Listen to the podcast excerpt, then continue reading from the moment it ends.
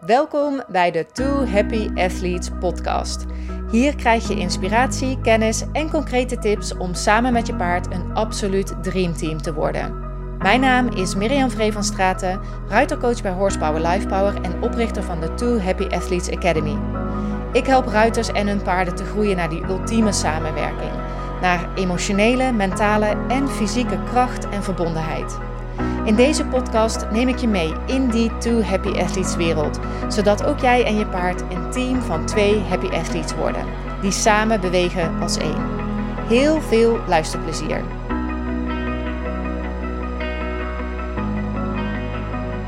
Welkom bij weer een nieuwe aflevering van de Two Happy Athletes podcast. Terwijl ik dit opneem, kijk ik naar buiten en uh, heeft het net echt enorm hard gehageld. Uh, gisteren was het zelfs een witte Pasen. Echt super raar weer is het op het moment. Dus uh, voor iedereen die geen binnenbak heeft en nu buiten door uh, moet ploeteren. Um, heel veel sterkte daarmee. Ik ben super blij nu dat we een binnenbak hebben. En voor als je het nog niet weet in het najaar gaan wij verhuizen naar onze eigen plek. En dan heb ik ook geen binnenbak meer. Dan uh, mag ik er ook weer aan geloven. En um, ja, wordt het voor mij ook weer alleen maar buiten rijden. Maar ja, dan uh, wordt het wel weer de kunst om uh, tussen de buien door te rijden. Daar was ik vroeger altijd erg goed in. Dus dat kan ik vast weer opnieuw worden. Maar daar wil ik het natuurlijk helemaal niet over hebben, over het weer. Hoewel het natuurlijk super interessant is. Er zijn namelijk nog veel meer interessante uh, dingen om over te praten. Eén ding is daarvan, is dat van de week was ik iets helemaal nieuws aan het doen met Elise.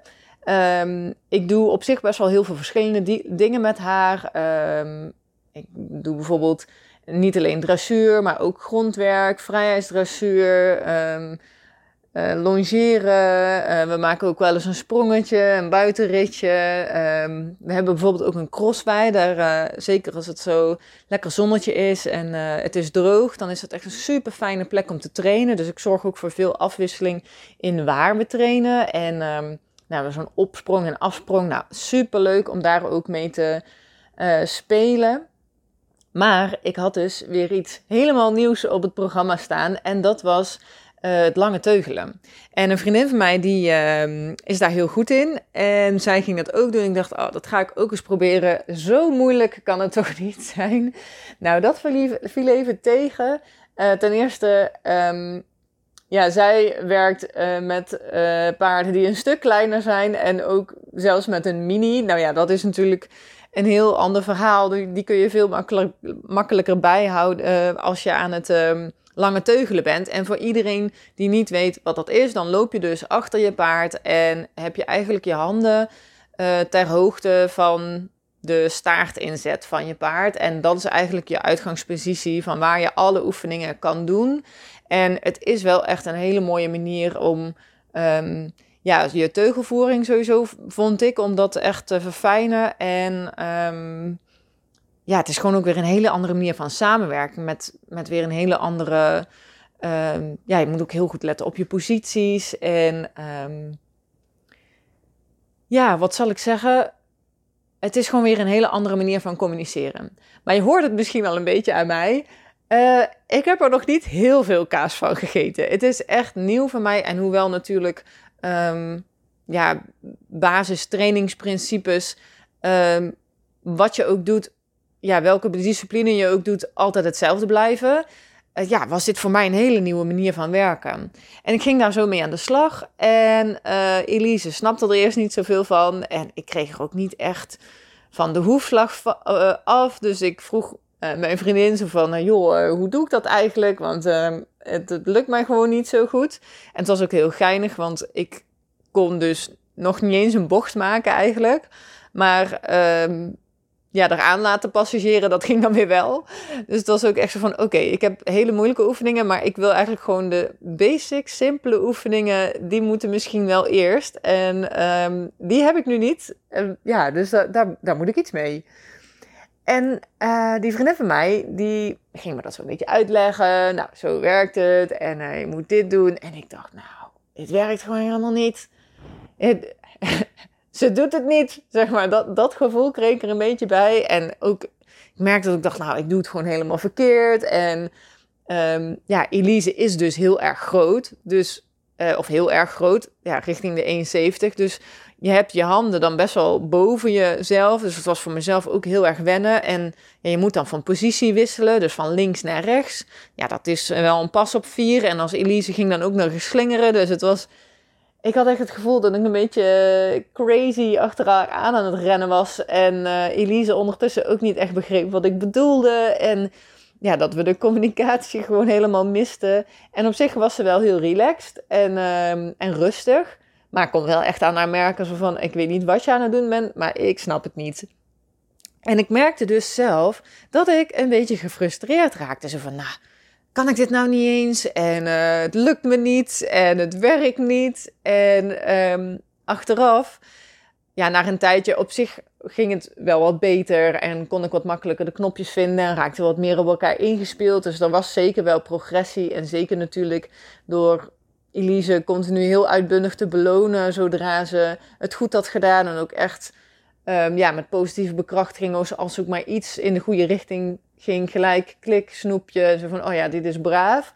Zo kwamen we er langzaam wel. Maar ik merkte wel van, oh, wacht even, dit is echt heel erg buiten mijn comfortzone. En ja, bij mij liep dus de frustratie een beetje op. Dus niet zozeer naar Elise toe, uh, naar Elise toe, maar dus meer naar mezelf toe um, ja, ik voelde me gewoon echt weer een groentje. En dat was het, het gevoel wat ik gewoon best wel lang niet meer gehad heb. En helemaal aan het eind dacht ik, ah, weet je wat, ik doe alles af. Uh, ik ga even in vrijheid met haar werken, want dat is iets wat we kennen. Dat is iets wat we zelf ook fijn vinden. Dat is ook iets waarbij we echt de connectie kunnen herstellen. En dat was ook eventjes heerlijk. En uh, ik kon ook echt ja, bij Elise, die slaakte nog net niet een zucht van verlichting. Zo van, hè, hè, ik snap weer uh, wat ze wilt. En uh, yes, we zijn weer uh, bij elkaar. En ja, dus ik kan, ik kan weer met je communiceren. En dat was natuurlijk hartstikke fijn om op die manier af te sluiten. Dus we hebben het super positief afgesloten. Um, maar daarna, ik kwam ook weer de stal in. En stalgenootjes vroegen ook zo van, nou, hoe ging het? En ik kon alleen maar een hele diepe zucht zo van, nou dat was echt drie niks. Uh, en ik zei ook, ik weet niet of ik dit wel zo leuk vind. En dat was wel dat ik dacht, hè? Ik had eigenlijk gedacht dat ik het wel heel erg leuk zou vinden. En waarom vind ik het nou niet leuk? En toen ik onderweg terug was in de auto, ging ik daar nog eens over nadenken. En toen dacht ik: nee, nee, nee. Je vindt dit wel leuk. Het is alleen, je vindt het niet leuk dat je nog niet in de vingers hebt. Dat je nog geen routine hebt. Dat je ja, nog niet, dat het nog heel erg zoeken is. En dat er maar heel weinig momenten zijn eigenlijk waarin je denkt van, oh yes, dit, nu, dit is, nu zijn we op de goede weg. En dat betekent dus dat er heel veel momenten zijn waarin je niet op de goede weg bent. En waarin je denkt van, nou, waar gaat dit heen? Het is heel erg zoeken. En misschien herken je dat wel, dat je ergens mee bezig bent en dat je denkt, nou, dit gaat gewoon niet goed komen. Ik kan het niet, het werkt niet. Uh, ja, wat ben ik nou voor groentje, zeg maar, dat gevoel. En dat je daardoor dus ook die frustratie gaat voelen en daardoor ook gaat voelen, ik vind het gewoon niet leuk. Maar eigenlijk is dat te makkelijk. Eigenlijk was het voor mij ook dus ook heel erg goed om dit weer opnieuw te voelen, want ik weet dat dit precies is hoe heel veel deelnemers aan de Too Happy Athletes Academy zich voelen. Zeker als ze net begonnen zijn. Ja, ze duiken in een soort avontuur waarvan ze eigenlijk zelf nog niet weten waar het heen gaat, of het wel gaat werken. En ik zelf als coach en als trainer vraag dus ook echt een leap of faith van ze. En dat is best wel veel gevraagd. Ik vraag echt van ze: hey, vertrouw op mij, dit komt goed. Uh, en natuurlijk krijgen ze daar onderweg ook echt wel de aanmoediging voor van mij. En blijf ik ook dat vertrouwen geven. Um, maar zij moeten ook dat vertrouwen aan mij geven. En ook dat vast kunnen houden zolang als ze nog echt zoekende zijn. En die frustratie uh, van ik snap het niet of het, het werkt niet of uh, gaat dit ooit nog goed komen. Als die er nog is. Dus voor mij was het echt heel erg goed om dat opnieuw te ervaren. Om om daar weer opnieuw connectie mee te maken. En ook om heel goed te kijken van, hé, hey, maar hoe ga ik hier nu mee om? En wat leer ik hieruit? Want ik denk dat dat de belangrijkste vraag is als je zo'n ervaring hebt, zo'n training waar je denkt van, nou, volgens mij gingen er alleen maar dingen mis. Dan ging er maar heel erg weinig goed. Ik denk dat dat echt een, ja, zo'n van die hele belangrijke momenten zijn voor jezelf om te kunnen groeien om ze niet zomaar aan de kant te gooien van, nou, ik vind het gewoon niet leuk, ik doe het niet meer. Maar om echt te kijken naar, hé, hey, maar wat neem ik hier nou uit mee? Wat was mijn eigen houding? Wat was mijn eigen mindset hierin? Ehm, en hoe ben ik ook in, zeg maar, die, dat gevoel van frustratie beland? En voor mij, als ik daarop zelf op terugkijk, was het een soort van overschatting van mezelf waarschijnlijk. Zo van, nou, zo moeilijk kan het toch niet zijn. Dat gaan we even doen. En dat was het gewoon niet. En ik denk dat het me heel erg geholpen had als ik daar veel opener in was gestapt. Veel meer vanuit van, nou, we gaan het wel zien. Um, iedere stap in de goede richting is er één. Um, maar wetende ook van, oké, ik ga iets nieuws beginnen. En dat betekent dus dat ik in eerste instantie misschien nog niet weet waar het heen gaat. En misschien nog ja, niet die verfijnde communicatie heb die ik, die ik wel als doel heb gesteld. En vorige week had ik ook een, um, een training voor mezelf. Uh, niet uh, over paarden, maar echt over mijn business. En daarin kwam ik weer zo'n hele belangrijke um, ja, quote eigenlijk naar boven, die ik best wel veel gebruik zelf ook. En dit, dat is: The day you plant the seed is not the day you eat the fruit. En dat is echt zo'n belangrijke. Het, de dag dat je het zaadje plant, is niet de dag dat je het fruit eet. Is niet de dag dat je oogst. Is niet de dag dat je resultaat ziet. Dat komt later pas.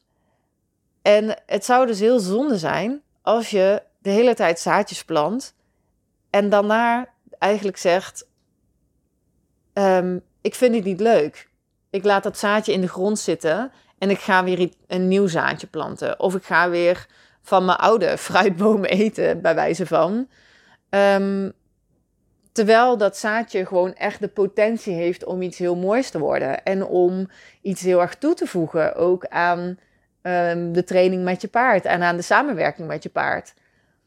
Dus ik denk dat dat voor mij de boodschap was uh, uit, dit hele, uit deze hele ervaring.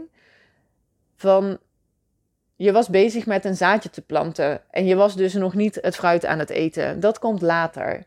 En om nu het gelijk aan de kant te gooien, denk, ik denk dat dat zonde is, omdat er in dat zaadje zit een heleboel potentie tot groei, letterlijk. Als je een zaadje in de, in de grond stopt, ja, dan zit hij onder de grond, dan zie je nog niks. Dan zie je pas in het voorjaar wat voor mooie plant of wat voor mooie bloem het wordt of wat voor mooie fruitboom het wordt. De resultaten daarvan die komen dus later pas. En ik denk dat we heel vaak op een manier bezig zijn waarin we eigenlijk direct dat resultaat willen zien. Ik denk dat dat ook logisch is, maar ik denk dat dat voortkomt ook um, ja, heel vaak in ieder geval zoals ik het zie vaak bij de ruiters die ik spreek, uit een soort onzekerheid. Want die, het resultaat is een bevestiging van dat je goed bezig bent. Een bevestiging van, oh, ik doe het goed. Of een bevestiging van, um, het, ik, doe, ik doe goed genoeg. Of een bevestiging van, ik maak geen fouten. Dus eigenlijk is het resultaat een... Um, ja, hoe zal ik dat zeggen? Niet alleen een bevestiging, maar misschien ook een verbloeming van je eigen onzekerheid. En misschien zat mijn onzekerheid wel erin dat ik uh, toch ergens wilde laten zien dat ik uh, samen met Elise al verder was. En dat weet ik nog niet precies. Daar ben ik nog over na aan het denken en um, ja, nog aan het onderzoeken. Zo van, hé, hey, wat was dat nou? Dat ik in die situatie belandde, dat ik die frustratie voelde. En wat maakte nou dat ik um, ja, dat ik op die manier erin stond. En ik denk dat het me dus ook een beetje overvallen heeft op die manier. Uh, omdat ik een beetje overmoedig was van nou, dat gaat wel even lukken. Maar ik denk ook wel dat het dus heel leerzaam is om er op die manier naar te kijken. En om ook weer terug te gaan naar dat vertrouwen. Naar dat vertrouwen van: oké, ik heb een zaadje geplant en dat betekent dat er iets groeien, aan het groeien is, maar wat ik misschien nog niet kan zien. En ik denk dat dat ook wel de essentie van vertrouwen is. Dat je gelooft dat uh, er iets goed komt, dat uh, het, wat het dan ook mogen zijn, goed gaat komen, zonder dat je daar direct bewijs van hebt. Zonder dat je daar dus direct resultaat van hebt. Dat je er dus volledig op vertrouwt dat dat resultaat later gaat komen. En als je dat vertrouwen moet lenen van iemand anders, that's oké. Okay. Dat als je dat moet lenen bijvoorbeeld van een instructeur of van, um, van mij bijvoorbeeld uh, als, als coach of van de dingen die je leest of um, ja, andere bronnen of mensen die je ondersteunen. Dat is allemaal prima. Zolang je maar dat vertrouwen blijft houden en zolang je ook maar um, ja, het zaadje de kans geeft om te groeien. Ik denk dat dat een van de belangrijkste dingen is om ook echt tot groei te komen. Um, ja, ik denk, ik ben wel heel benieuwd of je daar wat je hier zelf uithaalt, of je jezelf hierin herkent. Um, en waar jij misschien nog ja, meer vertrouwen kan creëren voor jezelf. Om ook bij jezelf dat zaadje de kans te geven om te groeien. En de kans te geven om um, tot volledige bloei te komen. ja, ik denk dat dat hem was voor vandaag. Uh, ik hoop dat je er weer een mooi inzicht uitgehaald hebt. Voor mij was het in ieder geval weer een heel leerzame ervaring.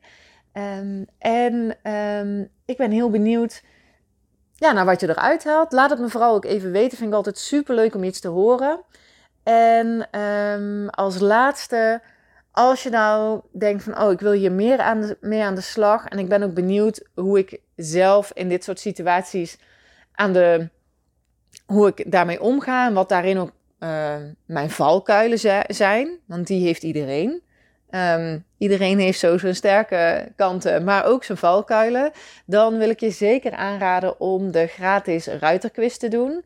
De Ruiter Personality Quiz, die kun je doen op www.ruiterquiz.nl. Uh, het zijn een aantal vragen. Je hebt hem echt in een aantal minuten ingevuld. Meer keuzevragen, dus je hoeft er ook niet heel lang over na te denken. Gewoon lekker op intuïtie uh, die quiz invullen dan komt er aan het eind dus een uh, ruiter personality uit. En als je dan je naam en e-mailadres achterlaat, dan krijg je ook een hele uitgebreide beschrijving van jouw ruiter personality, waarin dus ook um, al die ja, verschillende sterke punten en um, valkuilen ook, maar ook de kansen die je hebt samen met je paard, juist omdat jij um, ja, in dat, uh, dat personality, die ruiter personality hebt. Waarin je dat dus kan, hoe jij jezelf kan ontwikkelen. Dat staat allemaal in die beschrijving. Um, ja, ik vind het heel tof om terug te horen als mensen die ruiterquiz gedaan hebben.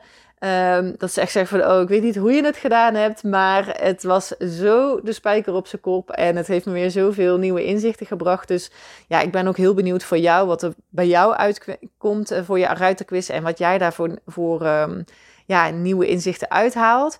En dat niet alleen, je krijgt niet alleen die beschrijving, maar je krijgt ook nog een meditatie erbij die specifiek is afgestemd op jouw ruiterpersonality. Dus ga gauw naar www.ruiterquiz.nl en um, ja, dan ben ik heel benieuwd.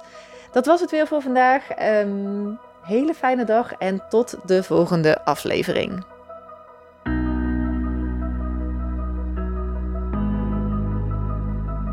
Heel leuk dat je luisterde naar de Two Happy Athletes podcast. Dankjewel. Ben je nu al benieuwd naar de volgende aflevering? Abonneer je dan op deze podcast.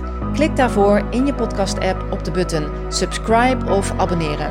Dan ontvang je automatisch een berichtje als er weer een nieuwe aflevering verschijnt. En gun je je paardenvrienden en vriendinnen ook een ultieme samenwerking met hun paard? Deel de Two Happy Athletes podcast dan met ze. En wat helemaal tof zou zijn, geef deze podcast een review via je podcast app, bijvoorbeeld op iTunes of Spotify. En dan kunnen andere ruiters deze podcast ook weer beter vinden. Alvast super bedankt daarvoor. Ik vind het ook altijd heel leuk om te horen welke lessen en inzichten je uit deze podcast gehaald hebt. Dus stuur me zeker even een berichtje. Dat kan via Facebook, Instagram of via de mail. Op Facebook kun je me vinden op Horsepower Lifepower, maar let wel op, want er zijn twee pagina's in omloop. Die met de meest recente berichten is degene die je moet hebben. Op Instagram vind je me onder apenstaartje Miriam Horsepower Lifepower en Miriam spel je met twee keer een M en twee keer een I. Mailen kan natuurlijk ook, dat kan naar miriam.horsepowerlifepower.nl Nogmaals heel erg bedankt voor het luisteren. Vergeet je niet te abonneren en tot de volgende aflevering.